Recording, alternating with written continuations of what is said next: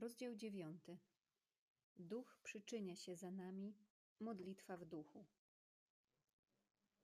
Rozdział 8 listu do Rzymian jest rozdziałem o Duchu Świętym.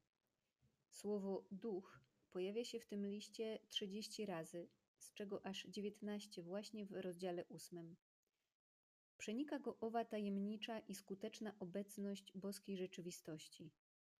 Apostoł przedstawia tutaj niektóre ważniejsze działania Ducha Świętego, który w chrzcie stał się w każdym z nas zasadą nowego życia, a wśród nich zwłaszcza modlitwę.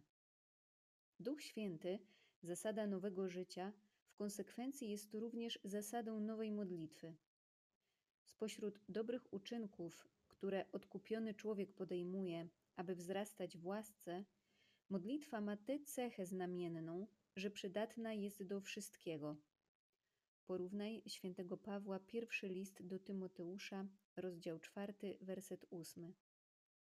Jest ona narzędziem niezbędnym do tego, aby postępować we wszelkich cnotach, które Słowo Boże nakazuje nam praktykować. Modlić się to skupić się i zanurzyć swą duszę w nieskończoności, jaką jest Bóg. Modlitwa jest jak oddech duszy.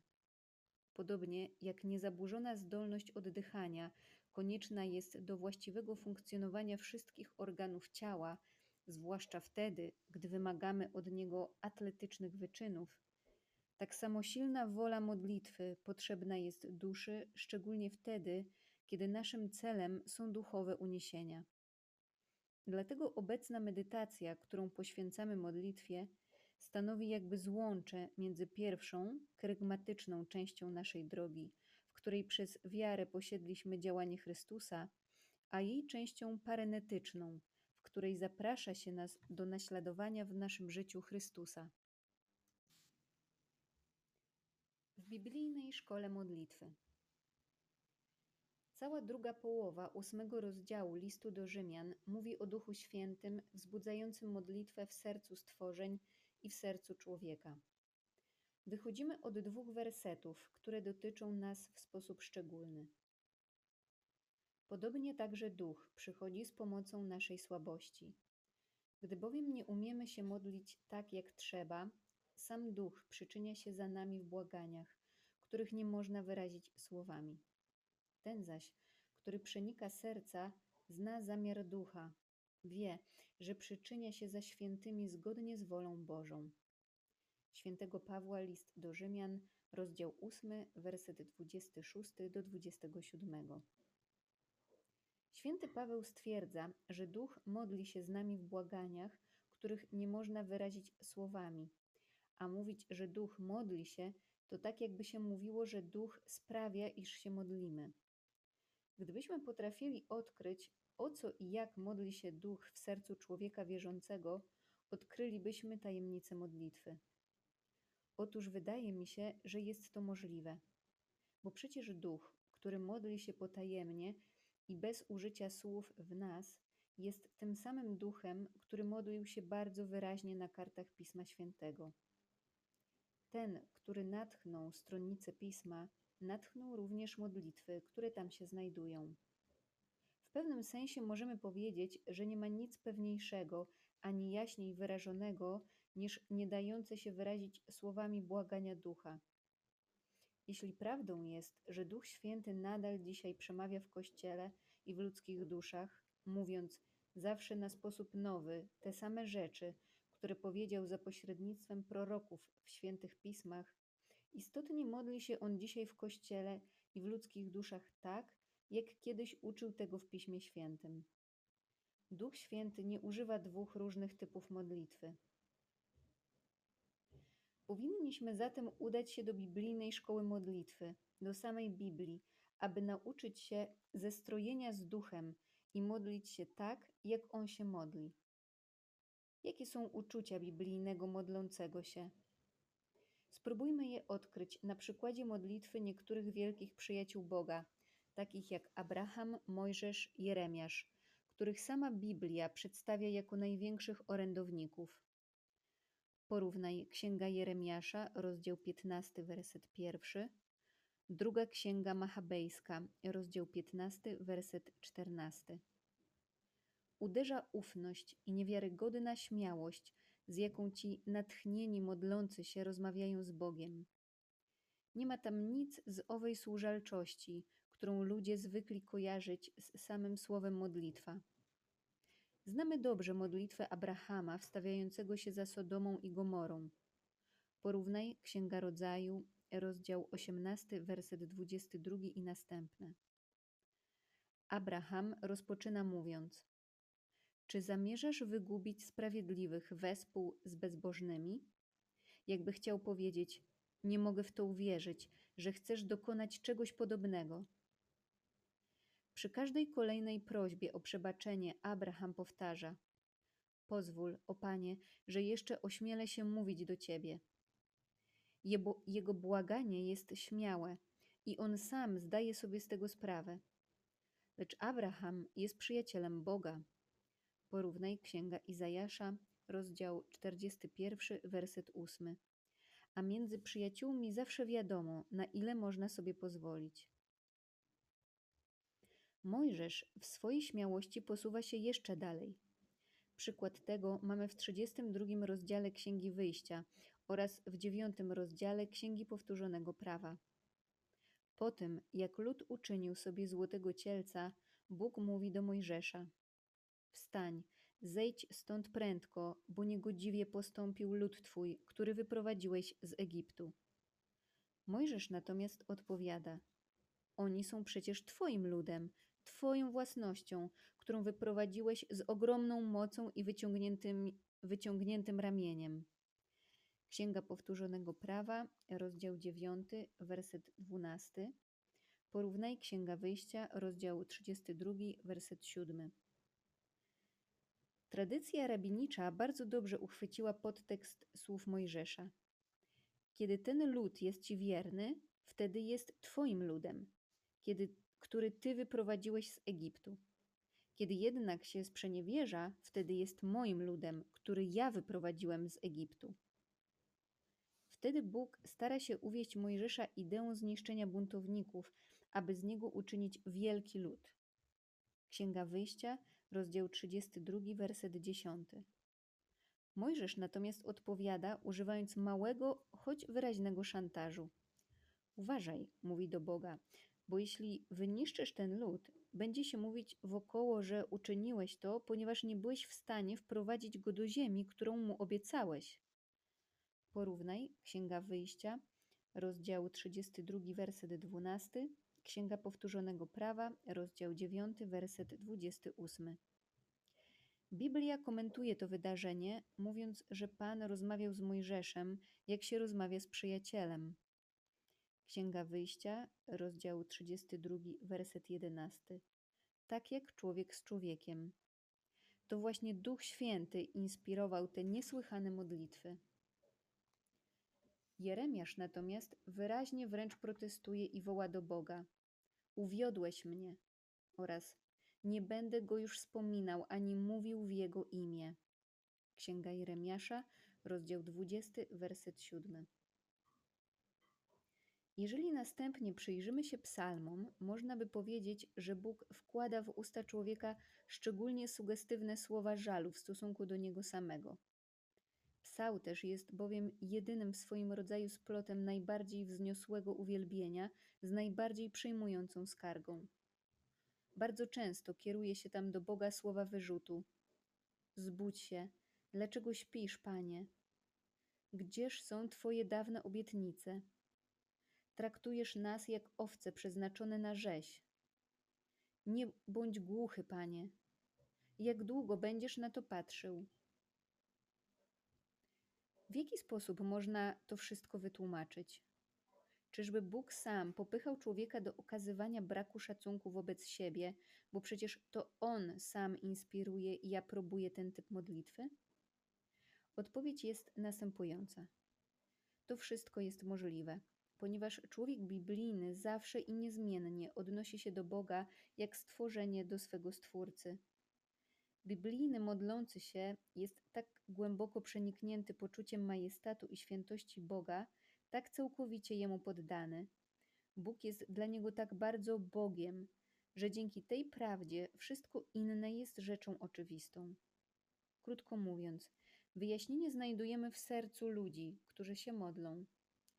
Pośrodku swych burzliwych modlitw Jeremiasz objawia nam tajemnicę, która tłumaczy i ustawia wszystko na właściwym miejscu. Ty zaś, Panie, znasz mnie, patrzysz na mnie, badasz serce moje, ono jest z Tobą. Księga Jeremiasza, rozdział 12, werset 3. Także psalmiści przeplatają swe żale podobnymi wyrazami bezgranicznej ufności. Bóg jest opoką mego serca. Psalm 73, werset 26. Jeżeli chodzi o Mojżesza, jest on tym, który nieustannie przypomina swojemu ludowi. Uznaj więc, że Pan, Bóg Twój, jest Bogiem. Księga Powtórzonego Prawa, rozdział 9, rozdział 7, werset 9. Serca tych ludzi zostały zespojone z sercem Boga i nic nie jest już w stanie ich rozłączyć. Spór, bolesne wątpliwości, niepokój znajdują się na poziomie umysłu, ponieważ działanie Boga pozostaje misterium, ale nie w ich sercach. Nigdy nie zostaje podważona pokora ich serca. I rzeczywiście, cokolwiek Bóg uczyni, biblijny modlący się zawsze jest gotów uznać, że on ma rację, również wtedy, kiedy Bóg jest na niego rozgniewany. Porównaj Księga Izajasza, rozdział 12, werset pierwszy, lub gdy człowieka dosięga Boży gniew. Porównaj Psalm 76, werset 11. Człowiek dobrze wie, z kim ma do czynienia i w pełni to akceptuje. Wie również, że zgrzeszył i że w tym tkwi wyjaśnienie tego wszystkiego, czego w Bogu nie potrafi pojąć. Jego ulubiona modlitwa w czasie próby jest zawsze taka sama. Jesteś sprawiedliwy we wszystkim, coś nam uczynił, a wszystkie czyny Twoje pełne prawdy, drogi zaś Twoje proste i wszystkie wyroki pełne słuszności, gdyż zgrzeszyliśmy i popełniliśmy nieprawości. Księga Daniela, rozdział 3, werset 27 i następne. Porównaj Księga Powtórzonego Prawa, rozdział 32, werset 4 i następne. Jesteś sprawiedliwy, Panie. Po tych trzech słowach, mówi Bóg, człowiek może mi powiedzieć, co chce. Jestem rozbrojony. Modlitwa Hioba i modlitwa jego przyjaciół. Biblia dostarcza nam wspaniałego przykładu, jak odróżnić i ocenić, niczym na dyptyku, dwa rodzaje modlitwy: modlitwę przyjaciół Boga oraz modlitwę obłudników, którzy sławią Boga wargami, podczas gdy serce ich z dala jest od Niego. Porównaj Księga Izajasza, rozdział 29, werset 13 to przypadek Hioba i jego przyjaciół. Bóg poddaje swego przyjaciela, Hioba, przerażającej próbie. Pierwszą rzeczą, którą Hiob wtedy czyni, jest zabezpieczenie relacji z Bogiem. Podobnie jak człowiek, który przed nadciągającym huraganem biegnie do domu, aby uratować najcenniejszą rzecz, którą posiada. Hiob jakby wraca do siebie i z pośpiechem stara się uratować swoje poddanie Bogu. Hiob wstał, Rozdarł swe szaty, ogolił głowę, upadł na ziemię, oddał pokłon i rzekł: Nagi wyszedłem z łona matki i nagi tam wrócę. Dał Pan i zabrał Pan. Niech będzie imię Pańskie błogosławione. Księga Hioba, rozdział pierwszy, werset 20 do 21. Zauważmy, że Hiob podejmuje te wszystkie gesty i wypowiada te wszystkie słowa z pośpiechem, jednym tchem, jakby się lękał, że nie zdoła ich dokończyć. Przypatrzmy się teraz rozwojowi wypadków. Przybywają przyjaciele Hioba i przez siedem dni przyglądają mu się w milczeniu. Następnie rozpoczyna się dialog, który natychmiast przybiera dziwny i zaskakujący obrót. Hiob przeklina dzień swoich narodzin – Wówczas przyjaciele zaczynają długą i namiętną obronę Boga. Rozdział czwarty, werset pierwszy i następny. Mówią: Czy u Stwórcy śmiertelnik jest czysty? Hiob wołał: O, ja nieszczęśliwy! A oni odpowiadają: Szczęśliwy, kogo Bóg karci. W ten sposób nakreślony zostaje schemat, według którego rozwija się cały późniejszy dramat. Z jednej strony nieszczęśliwy Hiob, który traci zmysły, rzuca wyzwanie Bogu i oskarża go, przechodzi od lamentu do prośby. Kieruje do Boga rozdzierające słowa: Nie potępiaj mnie, za chwilę będziesz mnie szukał i nie znajdziesz. Dlaczego uważasz mnie za wroga? Cóżem ci uczynił? Z drugiej, trzej przyjaciele, którzy na zmianę stają po stronie Boga przeciwko Hiobowi, przepięknie mówiąc w obronie Boga, a przeciwko człowiekowi.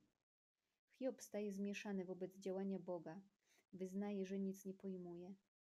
Czym czysty? Pyta i zaraz sam sobie odpowiada. Nie znam sam siebie. Rozdział 9, werset 21. Obrońcy Boga natomiast wiedzą wszystko. Dla nich wszystko jest jasne. Gdzie ma miejsce cierpienie, tam musiał być grzech. Nie ma w nich cienia przeczucia, że może istnieć zupełnie inna sprawiedliwość Boża, która ma się objawić. Dla nich objawienie mogłoby się w tym miejscu zakończyć. Z ich perspektywy nie trzeba było już nic więcej, nawet przyjścia Jezusa Chrystusa. Hiob oskarża przyjaciół o stronniczość na rzecz Boga i o obłudę. Mówi, że gdyby Bóg zbadał głębiny ich serc, przekonałby się, że ich słowa pełne są kłamstwa. Rozdział 13, werset 7 i następne. Ale potem, pogrążony w nieszczęściu, także ich błaga. Zlitujcie się, przyjaciele, zlitujcie się, gdyż Bóg mnie dotknął swą ręką. Rozdział 19, werset 21. Jaki jest jednak epilog tego dramatu rozgrywającego się między Bogiem i człowiekiem? Co Bóg odpowiada na cały ten spór na jego temat? Bóg pojawia się na scenie w rozdziale 38. Najpierw zwraca się, do, y, zwraca się bezpośrednio do Hioba i mówi o swojej wielkości i tajemniczości, a Hiob natychmiast się opamiętuje i kładzie rękę na ustach. Rozdział 40, werset 4, rozdział 42, werset 2. Lecz najbardziej zdumiewające jest to, co następuje zaraz potem. Zakończywszy bowiem tę rozmowę w cztery oczy z Hiobem, Bóg zwraca się do Elifaza z Temanu. Zapłonąłem gniewem do ciebie i na dwóch przyjaciół twoich, bo nie mówiliście o mnie prawdy, jak sługa mój Hiob. Rozdział 42, werset 7. I tutaj tkwi tajemnica. Skąd ten zaskakujący werdykt Boga na korzyść swego oskarżyciela, a przeciwko własnym obrońcom? Dzieje się tak, ponieważ Bóg patrzy na szczerość serca. Hiob był szczery w rozmowie z Bogiem. W przypływie bólu krzyczał do Boga: Dlaczego? Dlaczego? Lecz jego duch, pomimo niepewności, oparł się temu straszliwemu napięciu. Nie odsunął się od Boga, nie wycofał się ze swojej pierwotnej postawy uległości względem Boga. Jego głęboka więź z Bogiem była pewna. Moja noga kroczy w ślad za nim, może powiedzieć o sobie. Rozdział 23, werset 11. Bóg wiedział, że poddając próbie swego Hioba, może posunąć się aż tak daleko. Hiob zaś wiedział, że ze swym Bogiem może się zdobyć aż na taką skargę. Obrona wygłoszona przez przyjaciół nie ma wielkiej wartości. Jest przede wszystkim obłudna i fałszywa, ponieważ nie przeszła przez płomień cierpienia. To obrona kogoś, kto myśli, że w podobnej sytuacji sam zachowałby się lepiej, kto uważa, że wie wszystko o Bogu i w ten sposób go obraża, bo tak naprawdę nie zna Boga i brak mu szacunku wobec cierpienia, które dla Boga jest największą świętością. Bóg potrafi odróżniać pochlebców od czcicieli. Przyjaciele Hioba i Hiob to zrozumiał, byli bardziej pochlebcami niż szczerymi czcicielami Boga. Bóg nie chce pochlebców, nie potrzebuje ich. Pochlebcy węszą zawsze we wszystkim własny interes i kto wie, czy przypadkiem przyjaciele Hioba nie myśleli, że występując w obronie Boga, unikną w ten sposób losu swego przyjaciela. Modlitwa Jezusa i Ducha. Księga Hioba nie jest tylko księgą mądrościową, lecz także księgą prorocką. Zawiera więc nie tylko naukę moralną, ale również proroctwo. W Jezusie powtórzy się bowiem na nieskończenie wyższej płaszczyźnie i bez tych niepewności, które zauważamy jeszcze u Hioba, los cierpiącego sprawiedliwego. Także Jezus w godzinie próby zanosił do Boga prośby z głośnym wołaniem i płaczem. Porównaj list do Hebrajczyków, rozdział 5, werset 7. Oficjalni obrońcy Boga, faryzeusze i uczeni w prawie mówili o nim, tak jak przyjaciele o Hiobie, bluźni i bezustannie starali się przyłapać go na jakimś słowie, które zdradziłoby jego konflikt z Bogiem. On jednak odpowiada: Kto z was udowodni mi grzech? Ewangelia według świętego Jana, rozdział 8, werset 46. U Hioba sprawiedliwość była względna, u Jezusa jest ona absolutna. Także Jezus kieruje do Ojca swego tragiczne dlaczego, czemuś mnie opuścił. Lecz Bóg ponownie wydaje wyrok łaskawy dla tego, którego doświadczył.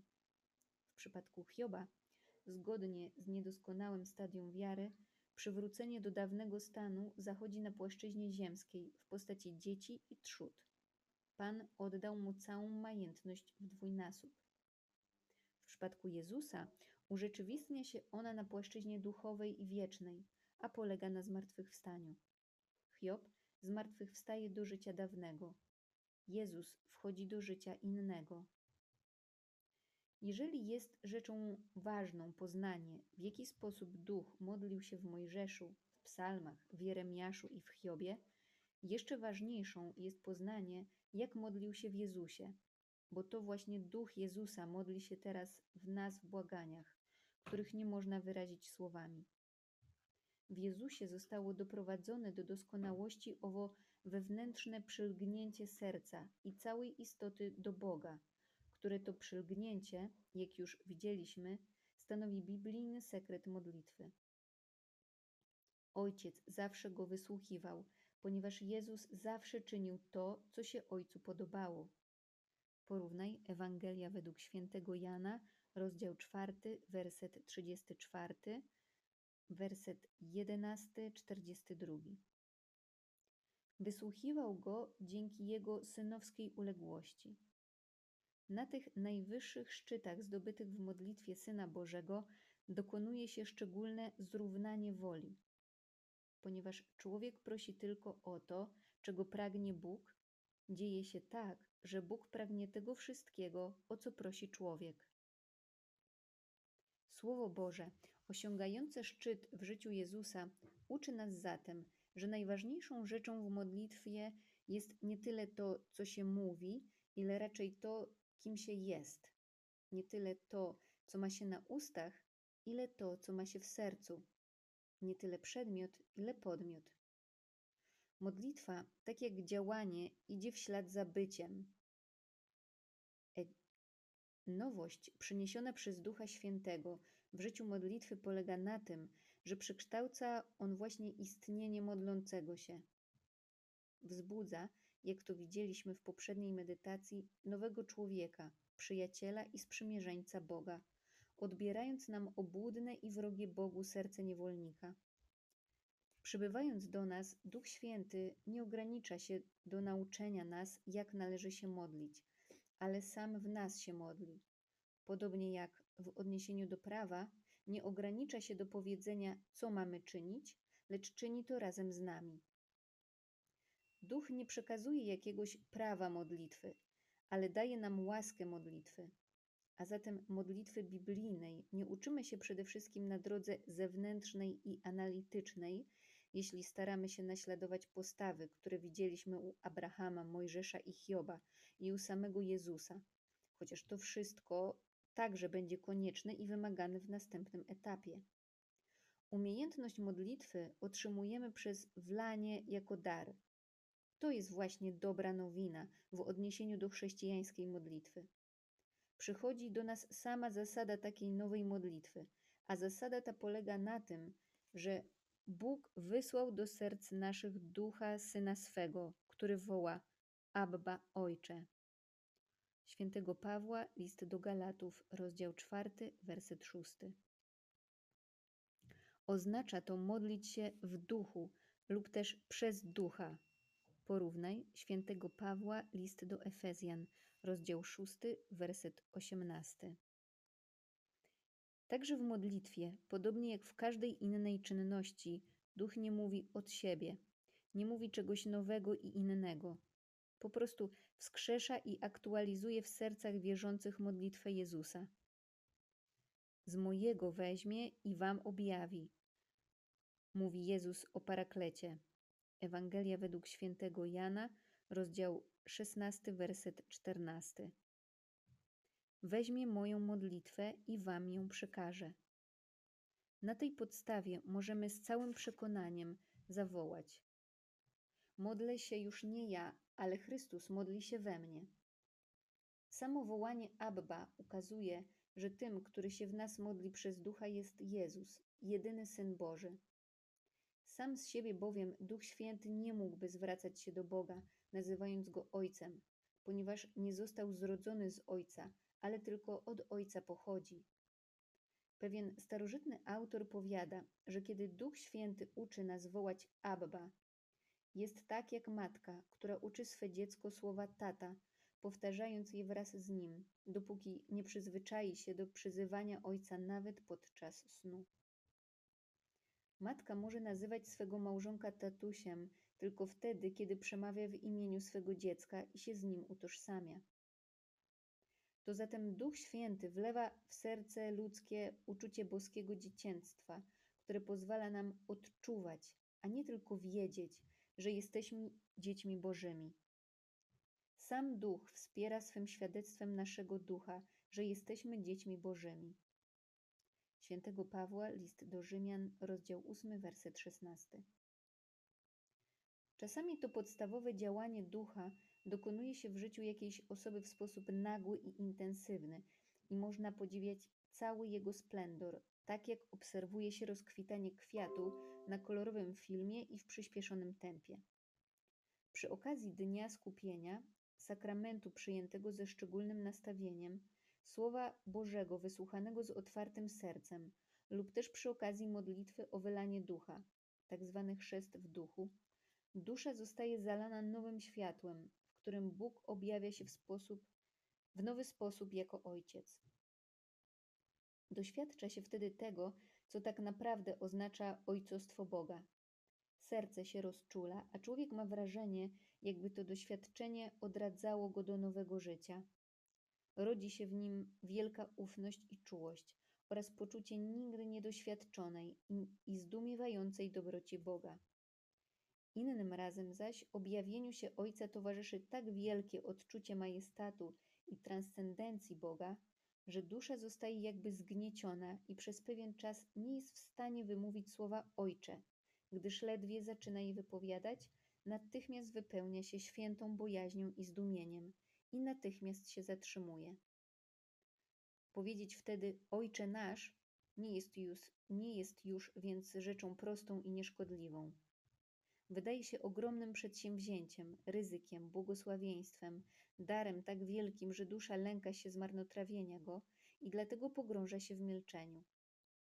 Rozumiemy teraz, dlaczego niektórzy święci rozpoczynali modlitwę Ojcze Nasz i zatrzymywali się na tych pierwszych słowach na całe godziny. O świętej Katarzynie ze Sieny jej spowiednik i biograf, błogosławiony Raimund z Capui, pisze, iż rzadko dochodziła do końca Ojcze Nasz, nie wpadając przy tym w ekstazę. Kiedy święty Paweł mówi o chwili, w której Duch Święty wdziera się do serca człowieka wierzącego i pobudza go do wołania Abba Ojcze, nawiązuje właśnie do takiego wołania i do takiego wpływu na całą istotę, i to w najwyższym stopniu.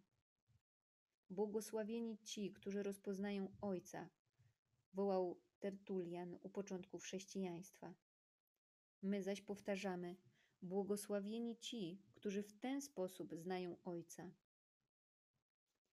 Jednak ten intensywny sposób poznania Ojca tutaj na ziemi nie trwa zwykle zbyt długo. Szybko powraca czas, w którym wierzący mówi Abba nic nie odczuwając, i powtarza to słowo tylko i wyłącznie posłuszny nakazowi Jezusa. Czas zatem przypomnieć, że im mniej słowo to uszczęśliwia tego, który je wypowiada, tym bardziej uszczęśliwia ono Ojca, który go słucha, ponieważ pochodzi z czystej wiary i zawierzenia. Jesteśmy wtedy jak ów sławny kompozytor, który utraciwszy słuch, nadal komponował i wykonywał cudowne symfonie ku radości tych, którzy go słuchali, sam nie mogąc ucieszyć się choćby jedną nutą. Bo nawet wtedy, kiedy po wysłuchaniu jego dzieła publiczność wybuchała huraganem braw, trzeba go było pociągnąć za rękaw, aby się odwrócił, by podziękować. Zamiast wygasić jego muzykę, głuchota uczyniła ją bardziej czystą. To samo oschłość czyni z naszą modlitwą. W rzeczywistości, kiedy mowa jest o wołaniu Abba Ojcze, zwykle myślimy tylko o tym, co to słowo oznacza dla człowieka, który je wypowiada. Zwracamy uwagę na to, co nas dotyczy. Prawie nigdy nie myśli się o tym, co to wołanie oznacza dla Boga, który go słucha, ani o tym, co ono w nim wywołuje. Nie myśli się w ogóle o radości Boga, którą wzbudzają w nim ludzie, nazywając go tatusiem. Kto jednak był i kto jest ojcem, dobrze wie, co się czuje na dźwięk tego słowa wypowiadanego niepowtarzalnym głosem własnego dziecka. To tak, jakby stawać się ojcem wciąż na nowo, bo za każdym razem ten głos przypomina ci, że nim jesteś. Powołuje do istnienia najbardziej skrytą cząstkę Twojej istoty. Jezus wiedział to i dlatego tak często nazywał Boga Abba, a nas nauczył czynić podobnie.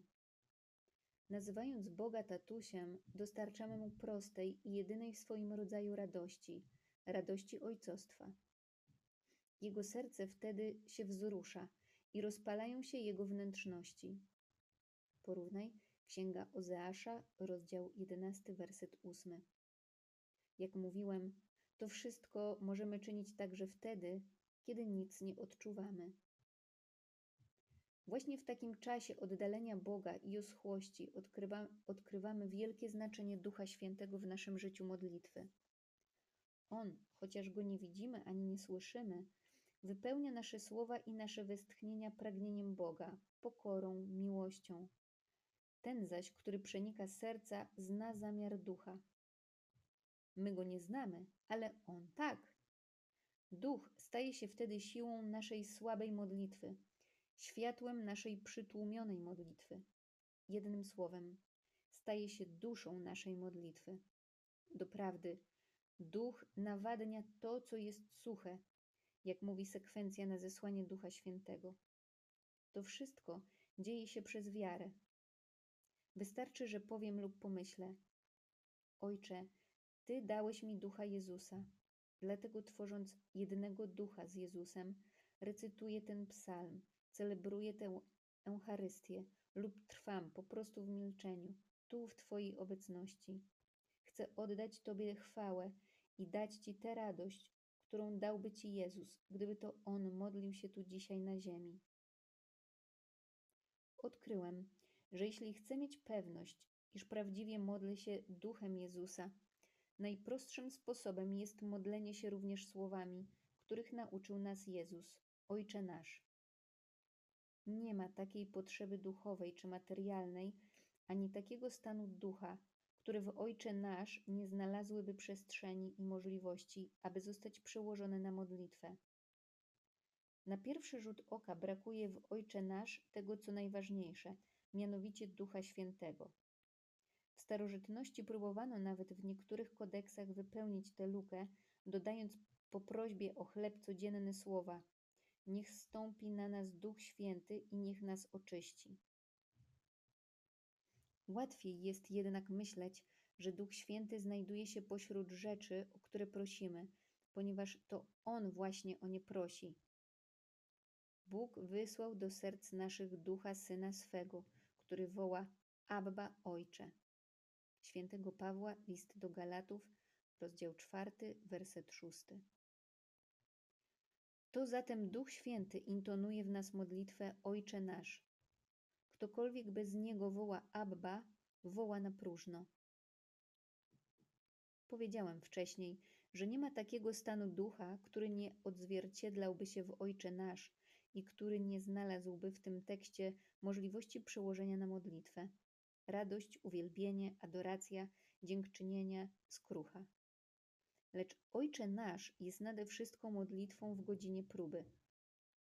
Istnieje wyraźne podobieństwo między modlitwą, którą Jezus pozostawił swoim uczniom, uczniom, a tą, którą on sam zanosił do Ojca w ogrodzie Getsemani. W rzeczywistości pozostawił nam swoją własną modlitwę. W Getsemani Jezus zwraca się do Boga, nazywając go Abba, Ojcze. Ewangelia według świętego Marka, rozdział 14, werset 36 lub Ojcze mój. Ewangelia według świętego Mateusza, rozdział 26, werset 39. Modli się o to, aby wypełniła się Jego wola. Prosi, aby oddalił kielich, tak jak my prosimy o wybawienie nas od złego i o uwolnienie od pokus, czyli od próby. Jaką pociechą jest dla nas w godzinie próby i ciemności świadomość tego, że Duch Święty kontynuuje w nas modlitwę Jezusa w Getsemani, że nie dające się wyrazić słowami błagania, w których Duch wstawia się za nami w takich chwilach, docierają do Ojca zespolone z głośnym wołaniem i płaczem, zanoszonym przez Jezusa za dni ciała swego. Porównaj list do Hebrajczyków, rozdział 5, werset 7. Pan, nasz Jezus Chrystus, Syn Boga, który także modli się za nami i modli się w nas, i my Jego błagamy.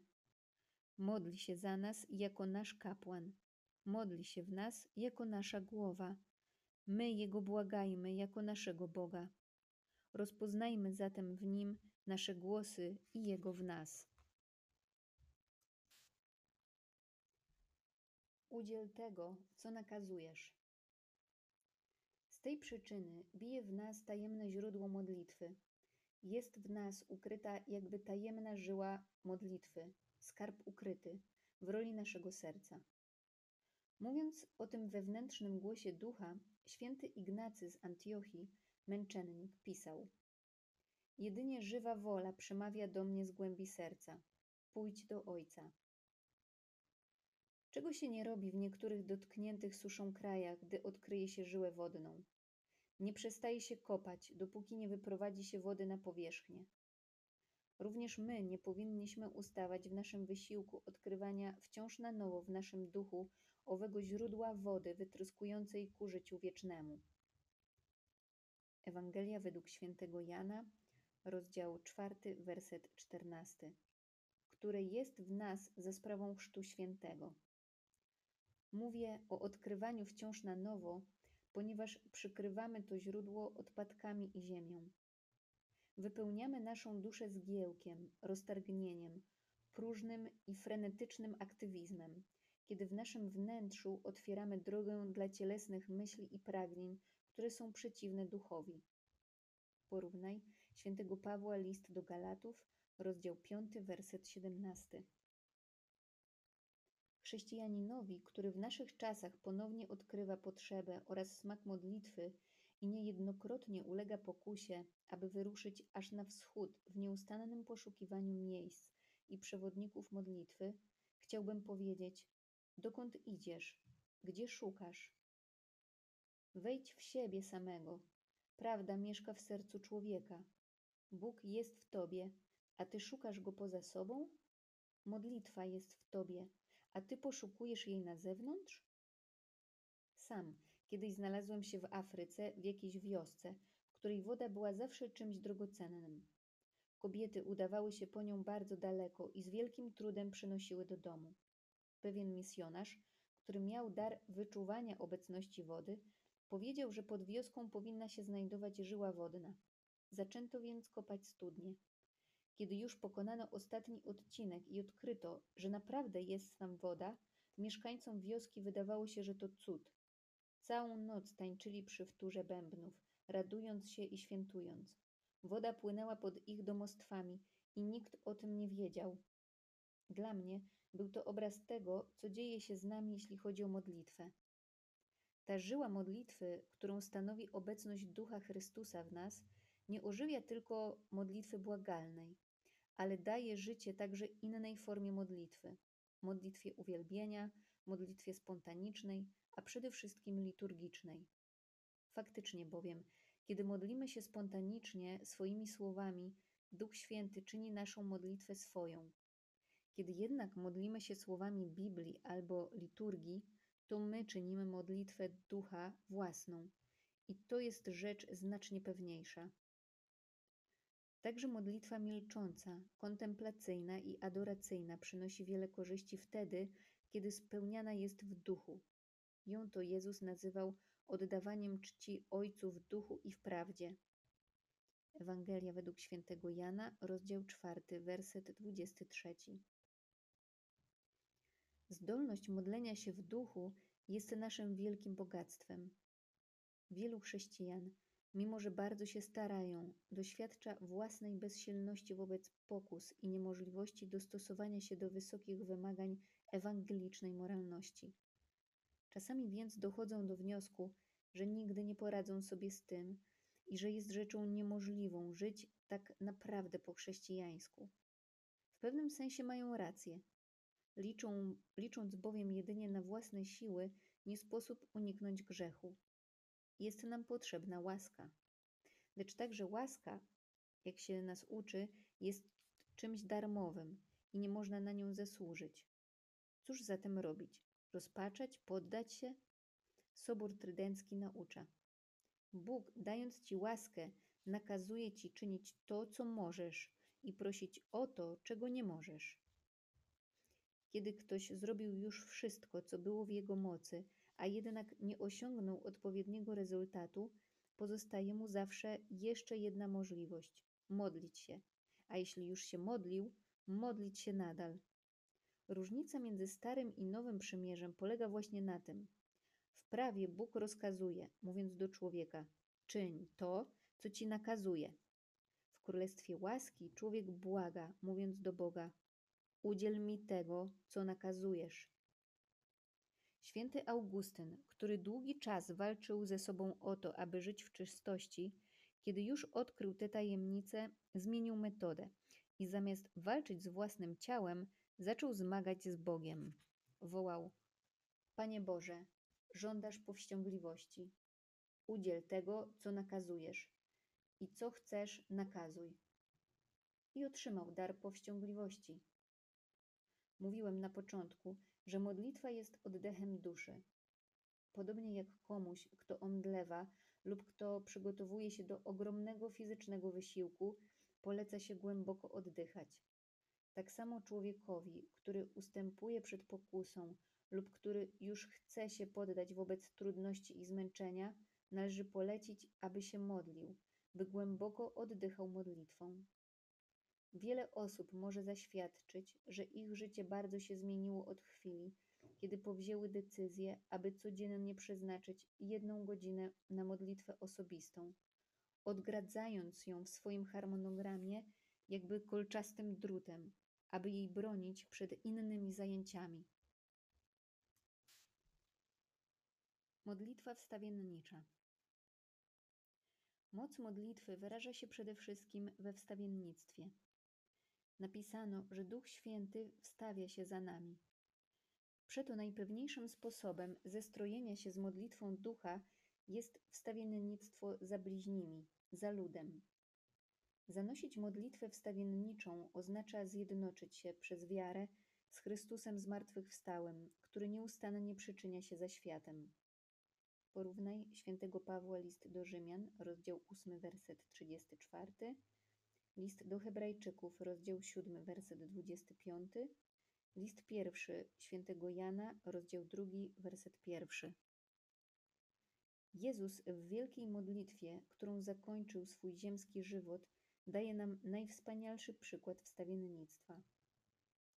Ja za nimi proszę, których mi dałeś, ponieważ są Twoimi. Zachowaj ich w Twoim imieniu. Nie proszę, abyś ich zabrał ze świata, ale byś ich ustrzegł od złego. Uświęć ich w prawdzie. Nie tylko za nimi proszę, ale i za tymi, którzy dzięki ich słowu będą wierzyć we mnie. Porównaj Ewangelia według świętego Jana, rozdział 17, werset 9 i następne. Jezus względnie mało czasu poświęca na modlitwę za siebie samego. Ojcze, otocz swego syna chwałą. O wiele więcej modli się za innych, czyli oręduje za nimi. Przez Ducha Świętego, który wstawia się za nami, to sam Jezus kontynuuje swoją modlitwę wstawienniczą za nas. Skuteczność modlitwy wstawienniczej nie zależy od wielości słów. Porównaj Ewangelia według świętego Mateusza, rozdział 6, werset 7, ale od stopnia zjednoczenia z Bogiem, jaki jest się w stanie osiągnąć dzięki synowskiej postawie Chrystusa. Bardziej niż mnożenie słów przydaje się mnożenie orędowników, to znaczy wzywanie pomocy Maryi i świętych, jak czyni to Kościół w uroczystość wszystkich świętych, kiedy prosi Boga o wysłuchanie dzięki wstawiennictwu tak wielu orędowników. Mnożymy orędowników także wtedy, kiedy modlimy się za drugich. Święty Ambroży pisze: Jeżeli modlisz się za siebie, tylko ty sam będziesz się modlił za siebie. Jeśli każdy modli się tylko i wyłącznie za siebie samego, łaska, którą otrzyma modlący się, będzie mniejsza w stosunku do tej, którą otrzymuje modlący się za innych. Kiedy jednak poszczególni ludzie modlą się za wszystkich, wtedy również wszyscy modlą się za każdego poszczególnego człowieka. Podsumowując więc, jeśli modlisz się tylko za siebie, sam jeden modlisz się za siebie. Jeśli jednak modlisz się za wszystkich, wszyscy modlą się za ciebie, ponieważ także ty zaliczasz się do tych wszystkich. Duch Święty zatem nie tylko wstawia się za nami, ale uczy nas również orędowania za innymi. W Piśmie Świętym Duch objawił nam, że prawdziwi modlący się jest człowiekiem śmiałym, przede wszystkim wtedy, kiedy wstawia się za innymi. Modlitwa wstawiennicza jest tak bardzo miła Bogu, ponieważ jest najbardziej wolna od egoizmu, najlepiej odzwierciedla boską darmowość i zgadza się z wolą Bożą, by wszyscy ludzie zostali zbawieni. Porównaj świętego Pawła, pierwszy list do Tymoteusza, rozdział drugi, werset czwarty. W zakończeniu księgi Hioba czytamy, że Bóg przebacza jego trzem przyjaciołom, ponieważ Hiob się za nich modlił, i że przywraca Hioba do jego pierwotnego stanu szczęścia, gdyż modlił się on ze swych przyjaciół. Porównaj Księga Hioba, rozdział 42, werset od 8 do 10. Wydaje się zatem, że czynnikiem rozstrzygającym jest modlitwa wstawiennicza. O słudze pańskim, czyli o samym Jezusie, czytamy, że Bóg przydzielił mu w nagrody tłumy, ponieważ orędował za przestępcami. Porównaj Księga Izajasza, rozdział 53, werset 12. Bóg jest jak miłosierny ojciec, który ma obowiązek wymierzenia kary, ale szuka wszelkich sposobów, by tego uniknąć i jest szczęśliwy w swym sercu, kiedy bracia owego winowajcy powstrzymują go przed tym. Jeżeli brakuje tych ramion uniesionych w jego kierunku, sam skarży się w Piśmie Świętym. Ujrzał też, że brakowało ludzi i zdumiał się, że nie było orędownika. Księga Izajasza, rozdział 59, werset 16. Ezechiel przekazuje nam taką skargę Boga.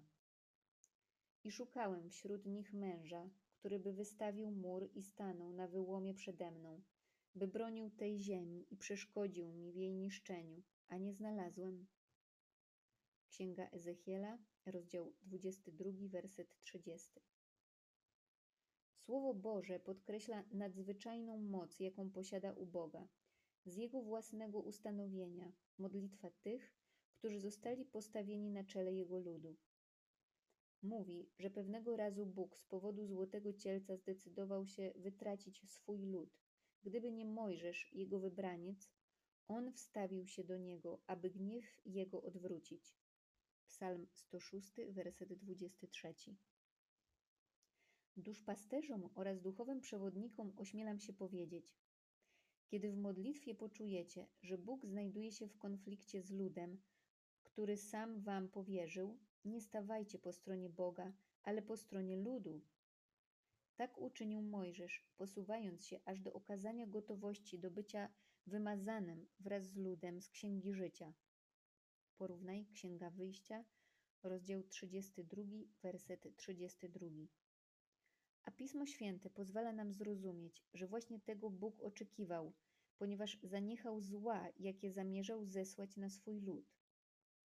Kiedy staniecie przed ludem, wtedy powinniście z całą mocą przyznać rację Bogu, ponieważ jak Mojżesz, podobnie jak Mojżesz, który nieco później, kiedy znalazł się wśród ludu Izraela, zapalił się gniewem, rozbił złotego cielca, jego proch rozsypał się w wodzie i kazał ją pić Izraelitom. Porównaj Księga Wyjścia, rozdział 32, werset 19 i następne. Więc tak odpłacić chcesz Panu, ludu głupi i niemądry? wołał do Izraela. Księga Powtórzonego Prawa, rozdział 36, rozdział 32, werset 6. Tylko ten, kto najpierw stanął w obronie ludu przed Bogiem i poniósł ciężar jego grzechu na własnych barkach, ma prawo i będzie miał odwagę podnieść głos przeciwko niemu w obronie Boga, jak uczynił Mojżesz.